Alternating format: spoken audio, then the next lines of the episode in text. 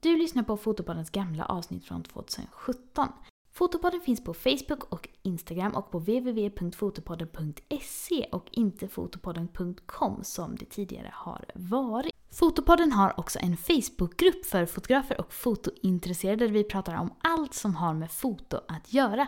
Det är verkligen en jättefin gemenskap och vi pratar om många intressanta ämnen så om du inte redan är med där så tycker jag att du ska gå med direkt.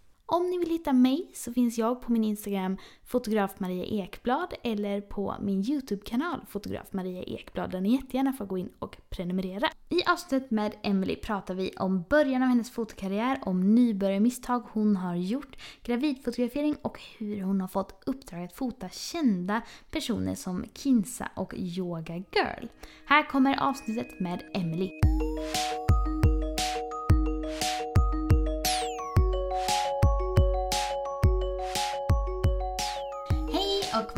Till ett nytt avsnitt av Fotopodden. Idag håller jag också på att spela in på Skype och med mig har jag Emily Olsson. Ja, Hej! Välkommen till det här Skype-avsnittet. tack så mycket. Hur känns det? Det känns jättebra. Mm. Väldigt kul. Ja, Mm. tycker jag också. Det är ju lite roligt att spela in med dig för jag eh, har ju träffat dig en del och eh, Mm. följer dig på internet och så. Och så Ja. jag tror att på ett sätt är det många som vet mycket om dig och sen kanske det är andra som inte vet. Nej, precis. Vill du berätta lite om dig själv eh, för de som kanske inte känner till dig? Ja, absolut. Eh, Jag heter Emily Olsson. Mm. Jag har precis fyllt 30 år så jag är vuxen. Grattis! Jag, tack. Jag eh, har jobbat som fotograf i nio år Mm. eh, på heltid. Och eh, jobbar både med utbildning och fotar gravida och bröllop. Och så är jag youtuber och ja, lite allt möjligt. Jag håller på med ganska mycket olika saker. Ja, verkligen lite allt möjligt. Ja. Kul. jag tänker att vi går eh, rakt på sak. Hur började det för dig med foto och Mm. Ja, eh, jag eh, gick ju på gymnasiet när jag började bli lite intresserad av fotografering.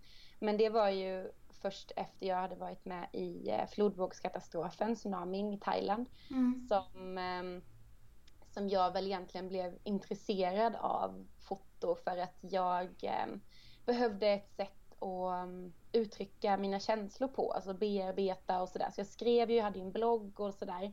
Men sen så började jag att ta lite bilder på mig själv eh, för att liksom på något sätt så här, ja, men, försöka att nå ut eller försöka att eh, liksom, få mina känslor på bild liksom, på något sätt. Mm. Eh, eftersom att det ju var en ganska jobbig upplevelse. Mm. Eh, och då ehm, eh, blev det liksom att det utvecklades sen. Så att jag började fota andra och sen började jag fota svampar och sen började jag fota närbilder på eh, olika prydnadssaker i hemmet med kort skärpedjup.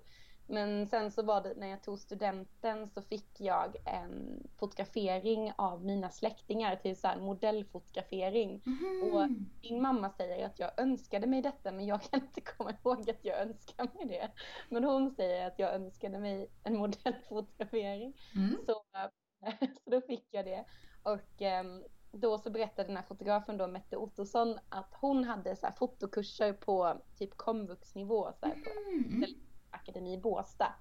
Och då eh, så bara hoppade jag på den lite spontant. För då jobbade jag så här halvtid på ICA och jag liksom hade tagit studenten och sådär. Så jag bara, ja men det låter kul, det kan jag väl göra.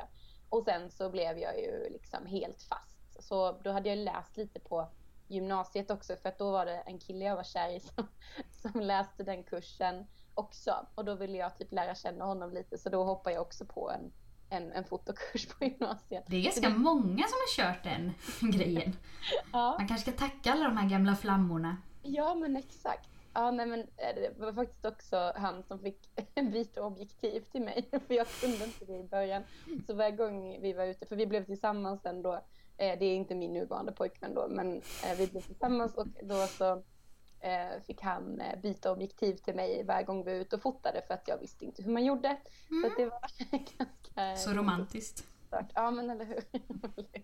Alltså jag måste bara pausa lite vid den här modellfotograferingen då som du var med på. Var det så här På spegelglas. så. Nej, Nej. det var ju inte det utan det var jättefint verkligen. Det var så här, ehm, jag blev sminkad först eh, Mm. hos en makeupartist och sen så var vi liksom ute och plåtade så här.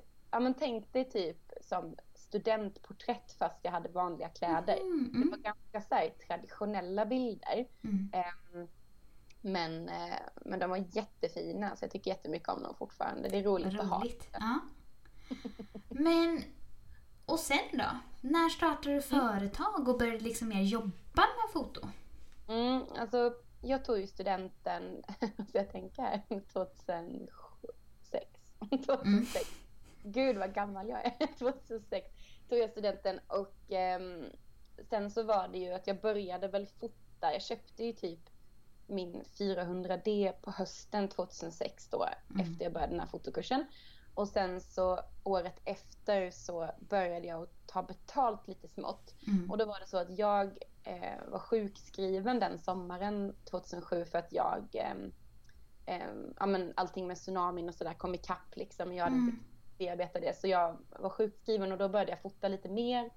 Och sen så började jag väl ta betalt lite smått för att liksom min, eh, den här Mette, min lärare då, peppade mig att liksom, du måste ju ta betalt. Så då fotade jag mitt första bröllop och gjorde lite barnfotograferingar och, och sådär. Men sen så var det ju att bloggarna var ju så himla stora då. Jag hade ju själv en väldigt stor blogg då så det Mhm. blev naturligt att jag fotade andra bloggare.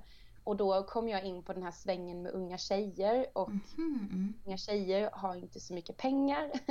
Så då blev det att liksom jag tog typ 600 kronor för en fotografering.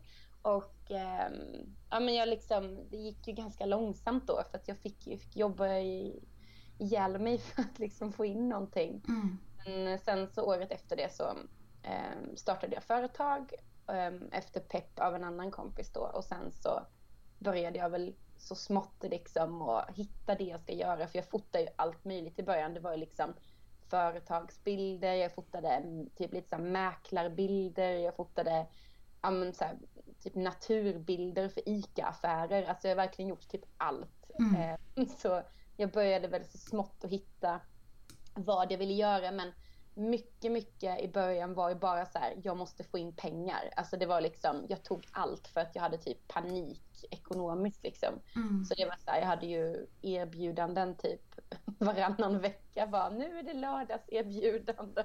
Det låter ju ändå så stressigt. Det var jättestressigt, alltså det var jättejobbigt. Mm. Men, ehm, Men du kämpade ändå på i det då? vad sa du? Men du kämpade ändå på med det då? Ja, alltså jag, på den, på den tiden då Maria, Mm. så, så fanns det inte så många andra fotografer som man kunde liksom jämföra sig med, eller vad man ska säga. Mm. Jag, jag visste ju inte att jag var billig. Jag trodde ju liksom att ja, men folk betalar inte mer. Så som, folk, så som mina elever säger till mig idag, ja, men folk betalar inte mer. Så trodde jag att det var liksom då. Mm. Mm, och det fanns inga webbkurser, det fanns inga Youtube-kanaler. Alltså det fanns liksom ingenting att inspireras av. Så att jag fick ju liksom, ja, fick ju kämpa på där med mina 600 kronors fotograferingar. Så jag fotade ju, jag kunde ju ha så här 40 fotograferingar i månaden, ibland 50 liksom. Bara Mm. för att ens få in någon normal tid. Alltså, ja, jag jobbar ju ihjäl mig liksom. Mm. Ja, herregud ja. Ja. Men när började du då... När började det här vända? Och när kom du in på vad du ville göra mer? Jag tror att, ehm, jag, jag säger det nu också, liksom, att jag tror att det hänger mycket ihop med ens privata person också. Mm. Att när jag började må bättre och blev lite mer säker i mig själv som person så blev jag också mer självsäker som företagare och fotograf. Mm. Så eh, jag skulle väl säga 2010-2011 där någonstans så började jag väl att liksom bli lite mer självsäker och ta lite mer betalt och nischa mig lite mer. Jag vågade säga nej till jobb. Ehm, jag var väldigt eh, ivrig vid den här tiden. Jag startade ju en fototidning och jag liksom gjorde webbkurser, släppte ny webbkurs så här var tredje vecka. Så jag var, jag vet inte var jag fick min energi. Helt tokig liksom. Mm. Och det var en väldigt bra period för det, det hände mycket i företaget och det var en bra investering även om det var jättejobbigt liksom och ni gick nästan in i väggen liksom så var det ändå en bra period för att jag lärde mig väldigt mycket och ja, men jag började hitta min stil och vad jag skulle göra och liksom vad jag skulle satsa på och sådär. Så, att det Mm. var väl, vi kan väl säga 2011, då kommer jag ihåg att jag fotade ett bröllop, så här, specifikt bröllop där jag verkligen kände så här, det här är det jag vill göra. Det var liksom rätt kundtyp, det var bra betalt, det var kul. Alltså jag kände verkligen att det hade gått från att vara kanske bara ett jobb när jag Mm. fotade bröllop då till att liksom verkligen det här är skitkul. Alltså jag hade kul liksom. Mm. Så mm, det var väl någonstans där som jag kände att nu, nu är jag på rätt spår i alla fall. Ja, vad roligt. Jaha. Vad har du för nischer nu då? Nu så är jag ju ganska hårt nischad mot gravid och bröllop. Mm. Så mm, man kan väl säga att jag fotar på heltid just nu. Mm. Eh, Så därför så kommer min assistent att börja jobba heltid nästa vecka för att jag får inte ihop mitt liv just nu. För att Mm. det är för mycket. Men ehm, jag är väl mest nischad på gravid och bröllop gör jag kanske, ja men säg mellan fem till tio per år. Mm. Så det tycker jag är perfekt. Det är så här lagom. Hur Eh, kom du fram till de två då? Mm. Ehm, det är en jättebra fråga. jag, jag tror att ehm, jag har väl liksom försökt att analysera lite grann vad det är som jag tycker om med att fotografera. Alltså vad är det jag liksom går igång på? Vad är det som liksom gör att jag bara, åh jag längtar jättemycket till nästa gång. Och det är verkligen när jag får vara petig med platser, jag får liksom jag kan stå och vänta i fem minuter med mina kunder för att det bästa ljuset kommer snart. Och när jag får planera och när jag får lite tid och liksom se hur jag vill planera min bild och liksom, ja, men jag behöver liksom den eh, noggrannheten. Mm. Och den noggrannheten upplever jag kan vara svårt när man fotar till exempel barn och familjer. Mm. Utan då är det mest bara fånga barnen för de är helt fantastiska och underbara. Och liksom, har jag tur så, så fick jag kanske till fint ljus också. Mm. Så, så där känner jag att jag gör lite mindre barn och familjer. Dels av tidsbrist men också för att jag tycker att det är väldigt kul med gravida och bröllop då. Mm. Um, ja, men jag gjorde väl så här uteslutningsmetoden, vad som är, vad som är liksom, vad som är roligast och vad jag känner att jag är bäst på liksom. Mm. Så det blir de två. Mm. Och du tycker inte det blir enformigt? Nej, det tycker jag inte. Jag, jag fotade jättemycket gravida ett tag i våras och då kände, då, då kände jag lite av sådär att, att nu, nu känns det som att det blir lite samma sak och det var ju för att jag var mycket på samma ställe hela tiden i, i Mm. Stockholm då. Ehm, så då nu har jag valt att jag fotar väldigt sällan i Stockholm så jag fotar nästan bara i Linköping nu där jag bor för att här kan jag reka nya platser, jag kan kontrollera lite mer så att jag får den här variationen för det där det här att när det är samma platser hela tiden, det är det som gör att jag tröttnar liksom. Då känns Mm. det som bara så här löpande band liksom. Mm. Så det blir min, eh, min nya, att jag fotar mest hemma liksom. Eftersom Mm. jag har mest koll här. Jag håller verkligen med om det. Jag, för jag är ju också väldigt hårt nischad. Men Mm. jag tycker som du säger, när man fotar på samma plats eller med samma rekvisita eller för nyfödd då, man har samma bakgrundsfilt eller grejer om och om igen. Till Ja. slut så blir det ganska segt. Men då, eller segt är det ju aldrig, men det blir alltid roligare när man kan kasta in något nytt för då blir det Ja. kreativt igen. Exakt, precis. Mm. Mm. Men eh, du har ju en eh, garderob till dina gravidfotograferingar. Mm. Ja. ja, verkligen. Hur många ombyten har du? Eh, jag gjorde en ny, ett nytt galleri nu till mina kunder Mm. och då har jag 60 olika saker. Mm. Ehm, och då har jag typ tagit bort 10 som jag ska sälja. Mm. Så, um, så 70. Ja, jag ligger i lä då. Och jag börjar ha svårt att få plats i min lilla studio. ja men gud jag också. Jag får köpa vakuumpåsar och packa ner det som inte används så ofta för att jag får inte plats liksom. Mm. Men det är, alltså jag tycker att det är så jävla roligt. Jag vet inte varför. Jag bara tycker det är så kul. Jag blir så här pirrig när det kommer nya kläder. Liksom. Och så känner jag inte när jag köper kläder till mig själv. Nej. Men- Någonting när man vet att ja, men det här kommer passa jättefint med den här miljön. Och, Ja. ja, men det är något speciellt. ja, men verkligen. Och också det att jag, jag tycker ändå att det är så himla mycket roligare att fota i liksom fina kläder eller så än i liksom vanliga Ja. vardagskläder. Det gör Mm. väldigt mycket för bilden. Ja, det tycker jag också. Och, och framförallt så, jag, jag tycker ju om att framhäva mina gravidmodeller. Eh, tjejerna och fotas ju oftast själva hos mig. Mm. Att de liksom är så starka och men liksom så power. Jag, Då tycker jag att det blir svårt med jeans och t-shirt och få till den känslan liksom. Mm. Så därför tycker jag att kläderna också förstärker det. Att liksom, ja, men de, man ser ju på dem att de känner sig jävligt coola när de har en klänning med ett långt släp. Liksom. Att de lever sig in i den känslan. Det är väl kanske lite så här som skådespel, alltså lite teater. Att man, liksom, man har scenkläder och man kan leva sig in i rollen på ett annat sätt. Liksom. Mm.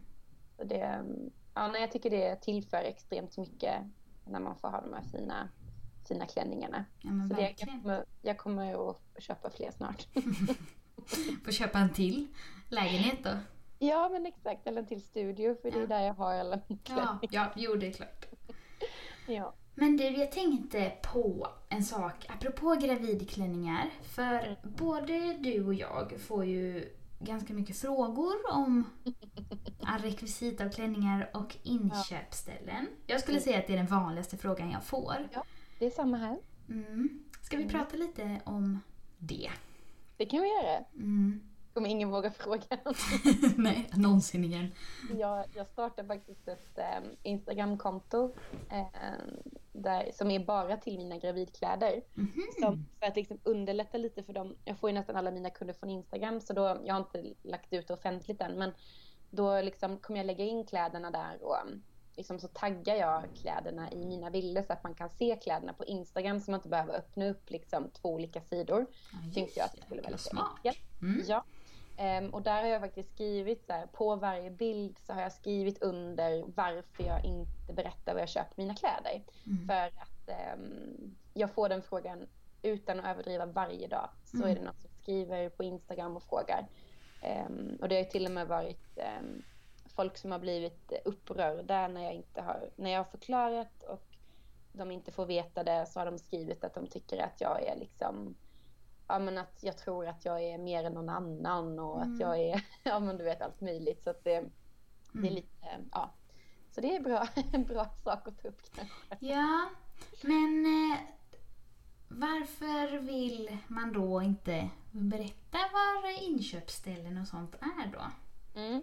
Eh, jag gör det av, eh, av två olika anledningar kan man väl säga. Mm. Den ena anledningen, om man ser till, till de som frågar, om vi säger att det är en annan fotograf till exempel, Mm. då, då är det ofta så att, att hen vill ha likadan klänning för att kunna ta liknande bilder till exempel. Mm. Och um, jag, um, det är många som frågar mig bara, åh men gud, ja, det är så många som kopierar dig och störs du inte av det? Och det kan jag ärligt säga att det gör jag inte.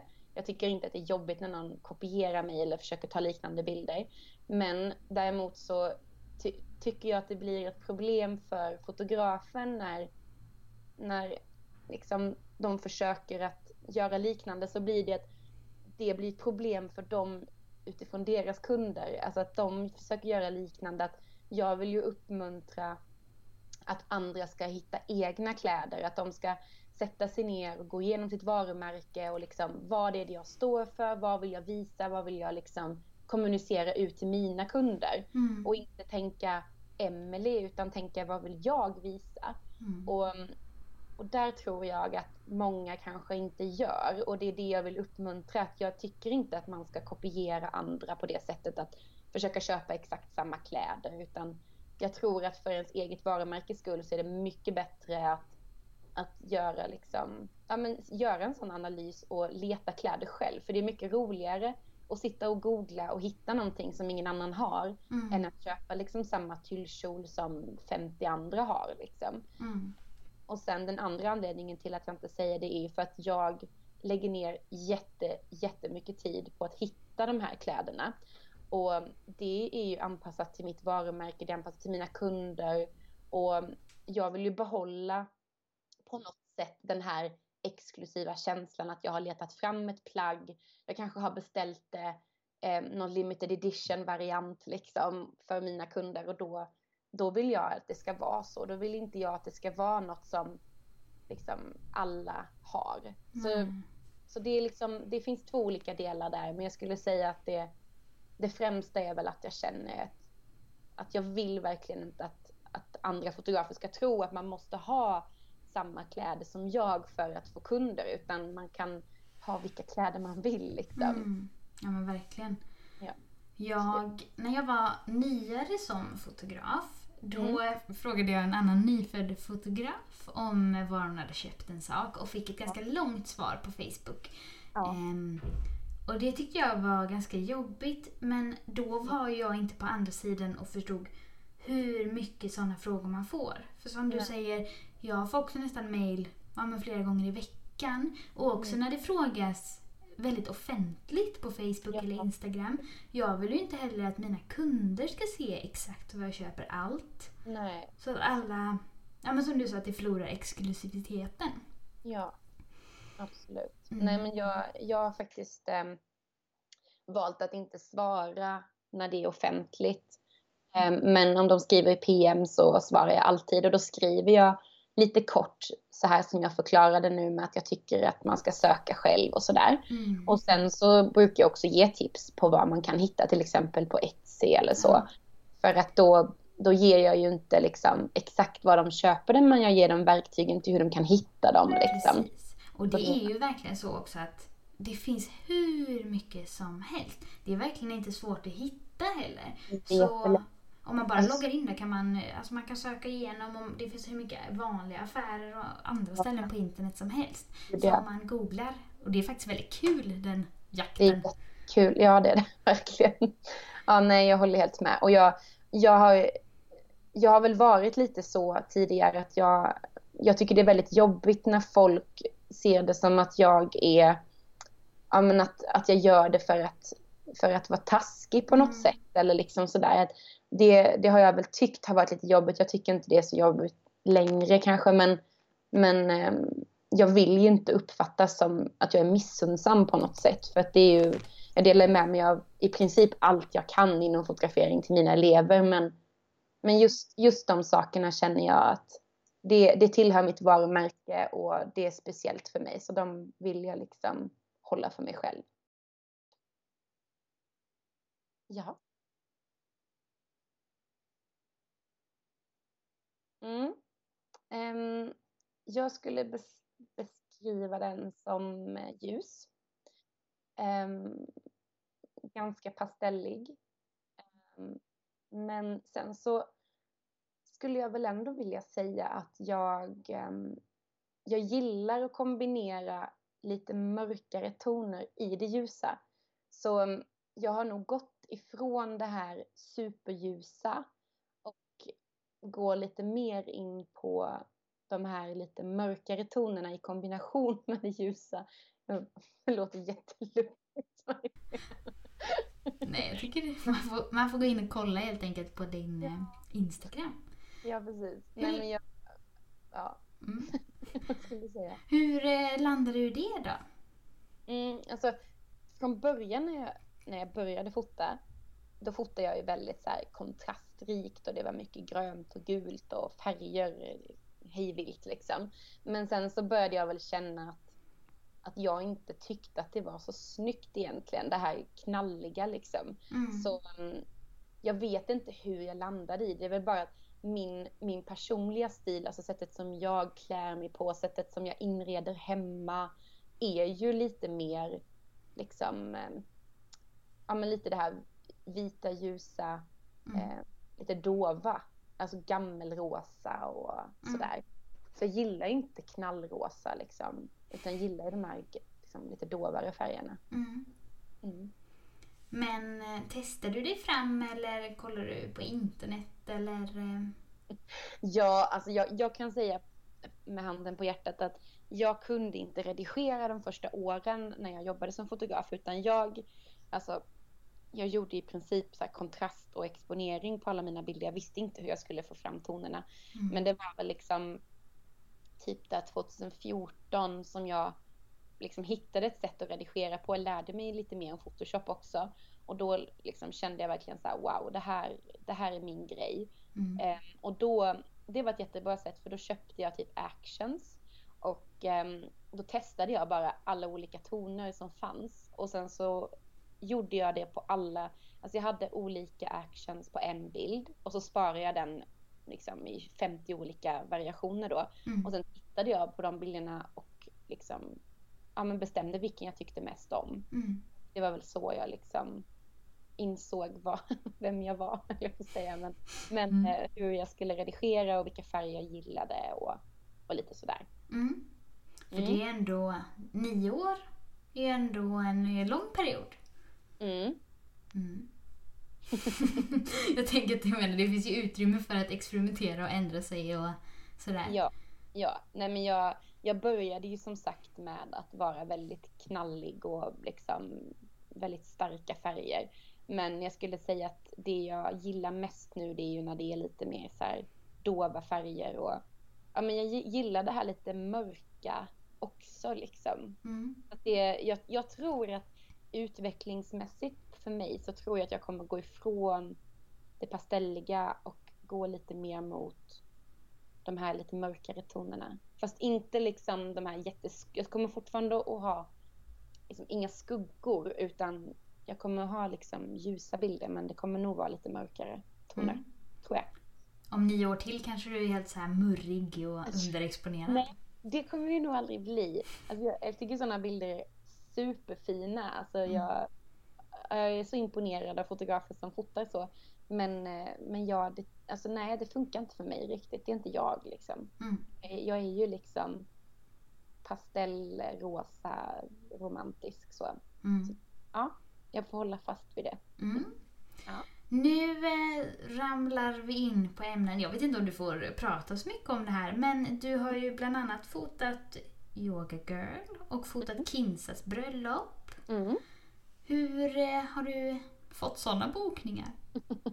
Ja, ehm, med, med Rachel då, Yoga Girl, Mm. så gjorde jag helt enkelt så att jag bara mejlade henne ehm, och skrev ehm, att jag tyckte att hon var en fantastisk förebild. Hon har ehm, inspirerat mig jättemycket med yoga och jag tycker hon är en så himla fin person och jag har verkligen följt henne i många år. Mm. Och så um, såg jag att hon blev gravid och då tänkte jag bara varför inte liksom. Mm. Och jag är ju lite sån att jag är ganska orädd med saker jag gör. Att jag, om jag vill någonting så bara gör jag det liksom. Jag tänker inte så här, ah, men de kommer säkert inte säga ja eller jag kommer säkert inte få det här utan jag bara gör det liksom. Mm. Eh, Så då mejlade jag henne och så skickade jag med lite bilder som, som jag tyckte liksom, eh, ja, men förespråkade det som jag gör. Och sen tänker jag ju också efter hur hon är. Så att jag skickar ju bilder som jag tänkte att hon kunde känna igen sig i också. Mm.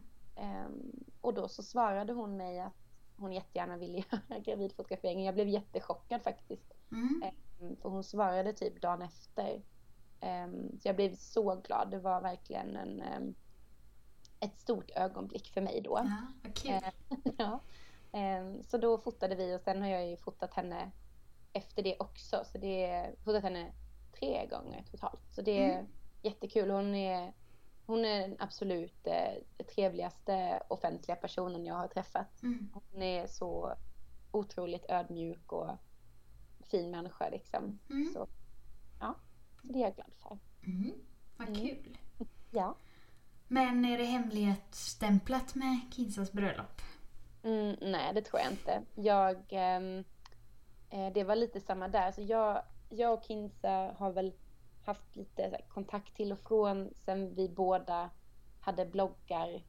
Eller jag startade min blogg 2005. Mm. Och en, en rolig historia då ehm, som kanske inte så många vet med det här. Det är inget som är hemligt men det är ganska kul. var att när, när jag hade min blogg typ så här 2000, vad kan det vara, 2006 eller 2007 kanske. Eh, så försökte jag att um, fota alla möjliga olika bloggare då. Så jag mejlar ju alla liksom. Mm. Och vid den här tiden så var inte jag speciellt duktig. Man kan väl säga att jag inte hade riktigt koll på vad jag höll på med och det var ganska blandad, eh, blandat resultat. Och då Mm. mejlade jag till Kinsa och eh, varje gång jag frågade henne så, så skrev hon, jag tycker så synd om Kinsa, att hon, hon var så himla snäll. Hon, hon, eh, hon, hon svarade ju mig liksom och så skrev hon då att um, hennes agentur inte ville att hon skulle fota med andra fotografer och sådär för hon var ju med i modellagentur mm. och jag har inte frågat henne men jag är ganska säker på att, att det inte var så utan det var nog mer att jag inte var så duktig eller så kanske agenturen inte tyckte att jag var så duktig. Jag vet inte men hon sa nej i alla fall. Mm. Och jag kommer ihåg att jag var jätteledsen över detta för att det var en annan duktig fotograf som hette Hanna Björkstedt som alltid fotade Kinsa och det var helt fantastiska bilder och ibland kunde jag sitta och så gråta för att jag var så ledsen över att mm. Hanna tog så bra bilder men jag gjorde inte det. Mm. Um, och um, då var det ett tillfälle när jag fick ett mail från Kinsas agentur där de skrev att ah, men vi har, eh, Kinsa har sagt att um, du vill fota henne och nu vi har sett dina bilder, vi tycker du är så duktig och vi vill bjuda dig på en så här, weekend upp till Stockholm och du får fota eh, Kinsas någon kampanj då, du får 15 000 och liksom så här. Och jag blev, alltså Maria, jag blev så glad, jag bara grät. Mm. Så skrev jag om det här på min blogg, att jag var så lycklig och eh, några timmar senare så skriver Kinsa till mig att jag är jätteledsen Emily men det här är någon som har lurat dig. Nej. men! Alltså vad heartbreaking. Alltså, du kan ju tänka dig den förödmjukelsen. Ja, skriver om det på bloggen och allt och sen mm. så inte sant. Alltså du vet, och jag skämdes, jag får gåshud nu för jag kommer ihåg så mycket jag skämdes. Ja, men och sen då efter det så har ju eh, Kinsa har varit på fotokurs med mig och jag har tagit lite kort på henne eh, ibland och sen så har vi pratat jättelänge om att jag skulle fota typ kärleksbilder med henne och Alex. Mm. Alltså liksom fina bilder på de två.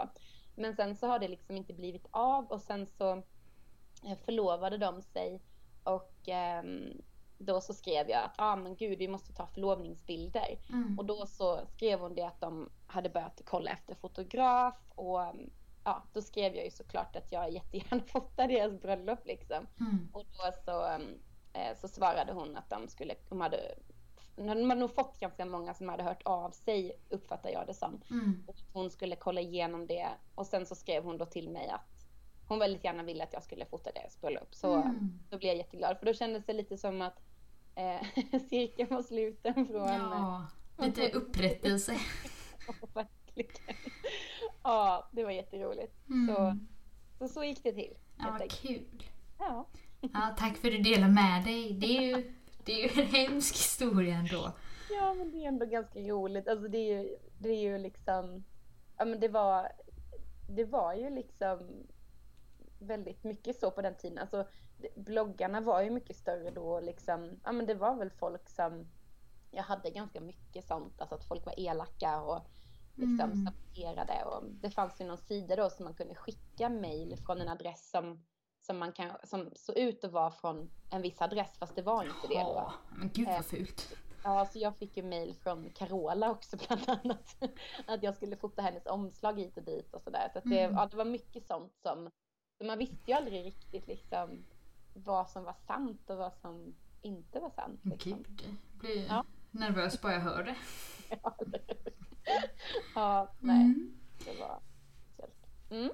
Fotopodden eh, har ju en helt ny Facebookgrupp och där eh, la jag ut att eh, vi skulle podda och mm. om någon hade lite lyssnarfrågor. Ja. Och nu har jag fått ett PM här. Kul. Så jag tänkte vi kanske kunde ta det. Ja, kör. Mm. Då står det så här. Hej Emily. Jag jobbar som fotograf och jag funderar på det här med att nischa sig. Just nu fotar jag barn, student, djur, bröllop och nyfödd. Och jag tycker alla är lika kul. Men jag vet inte riktigt hur jag ska göra. Har du några råd? Mm. Um, ja, det har jag nog. Jag tänker att um, jag tänker att först så är det, är det en hon, kan jag säga hon? Ja, det är en hon. ja, det brukar vara en hon. Um, först så tänker jag att hon kanske ska sätta sig ner och kanske räkna. Dels kan man ju tänka på det ekonomiska tycker jag. Mm. Eh, räkna på lite på, liksom på arbetsflödet och vad hon, vad hon säljer mest på och liksom vad hon lägger, ja men hur, vad som är mest lönsamt helt enkelt. Det är väl en aspekt i det tänker jag. Mm. Eh, Och sen en annan aspekt är ju att hon måste, hon måste fundera på vad som känns roligast. Och jag, jag kan tänka mig att om man kanske är lite i början Mm. så kan jag tänka mig att man ofta tycker att allt är roligt. För att fota i sig är ju så himla kul när man Mm. liksom inte har gjort det i nio år då. Ehm, och jag tänker att jag tror att, ehm, att det kanske med tiden kommer ge sig också för henne att hon kanske kommer att känna lite snart vad som vad det lutar åt. Mm. Men jag tror ju att den ekonomiska biten kan få henne att kanske få en eh, liksom, inblick i lite vad som är kanske mest lönsamt. Och det säger ju också lite grann kanske om vad hon är bäst på, vad, vilken av kategorierna hon säljer mest bilder i. Alltså det kan ju också vara en, en hjälp. Mm. Ehm, det kan ju också vara att hon, hon kan fråga folk runt sig, liksom, vilka bilder tycker ni är bäst? Vad tycker ni att jag är bäst på? Ehm, och att han kanske sätter sig ner och skriver ner vad hon tycker är roligt med de olika sakerna. Alltså vad är det som, som gör att hon älskar att fota just student eller vad, liksom barn eller sådär. Mm. Att hon skriver ni, ner det och då tror jag att hon kommer att få lite bättre koll på varför och, och ehm, vad som är bäst. Liksom. Mm. Men du rekommenderar ändå att man eh, smalnar ner eller? Mm, det Mm. tycker jag. jag. Jag skulle säga att ehm, det är typ det viktigaste egentligen som fotograf för att man inte har mer, alltså jag skulle säga max tre olika inriktningar, helst färre om man kan. Mm. För att det, det är ju så man blir välkänd, det är så man blir mer anlitad om man är nischad på någonting. Mm. Mm, Jag vet ju det själv när jag ska rekommendera fotografer till olika saker. Nu skickar jag ju en gravidkund till dig till exempel. Mm. Och det är ju för att du är nischad i det och för att jag, ja, du vet att du är jätteduktig på det liksom. Jag skulle inte skicka, jag skulle inte skicka henne till, till någon som, som också fotar studenter och bostäder och ehm, ja, men alltså massa olika saker. För jag vill ju att min kund ska gå till någon som är inriktad på det och därmed specialiserad på det. Mm. Och det klingar ju också bättre. Om, jag, om ett brudpar söker en bröllopsfotograf så går de ju hellre till någon som är väldigt inriktad på det än någon som kanske gör det någon gång då och då och fotar en herrans massa andra saker också. Mm. Så det, ja, det var olika anledningar. Och det är väldigt mycket lättare att marknadsföra har jag också märkt sen jag eh, stramade åt. Ja, Det är liksom bara en, en eller två sorters broschyrer, en eller två sidor på hemsidan. Och, Ja, ja. allting blir ju bättre liksom. Mm. Och när jag, när jag började så, alltså jag märk, märkte ju det för några år sedan så fick jag ju förfrågningar om allt möjligt. Alltså kan du fota min hund? Kan du fota Mm. Min bil? Alltså du vet så. Men jag får ju aldrig de förfrågningarna nu. Jag, det är ju bara gravida i princip som hör av sig. Ehm, för att de har ju hört också och de har ju sett att ah, men Emily är inriktad på gravida liksom. Och då, då blir det ju så också. Så det jag visar det är det jag säljer och det är det jag gör. Mm. Så att, ja, det är jätteviktigt. Ja. Om man eh, vill hitta dig någonstans, Emily, vart går man då? Ja, jag heter ju eh, by Emily då på eh, i princip, eh, ja men det är ju eh, Instagram och Facebook. Mm. Och på Youtube så har jag och Elin Kero en Youtube-serie som heter Golden Hour Series. Så där Mm. kan man hitta oss. Mm. Ja, det är typ de medierna som jag brukar hänga i mest. Kul! Fotopodden har ju som sagt en splitter ny Facebookgrupp och där kan ni gå in och eh, prata mer foto, prata om avsnitten och kanske hitta andra fotonördar att fika med. Så eh, sök upp den på Facebook och gå med tycker jag. Mig hittar ni på fotograf Maria Ekblad på Facebook, Instagram och Youtube och Fotopodden på ja, Facebook och Instagram. Tack så mycket för att ni har lyssnat och tack Emily för att eh, du ville vara med. Tack så mycket för att jag fick vara med. Mm, det var jätteroligt. Ha det bra alla. Hej då!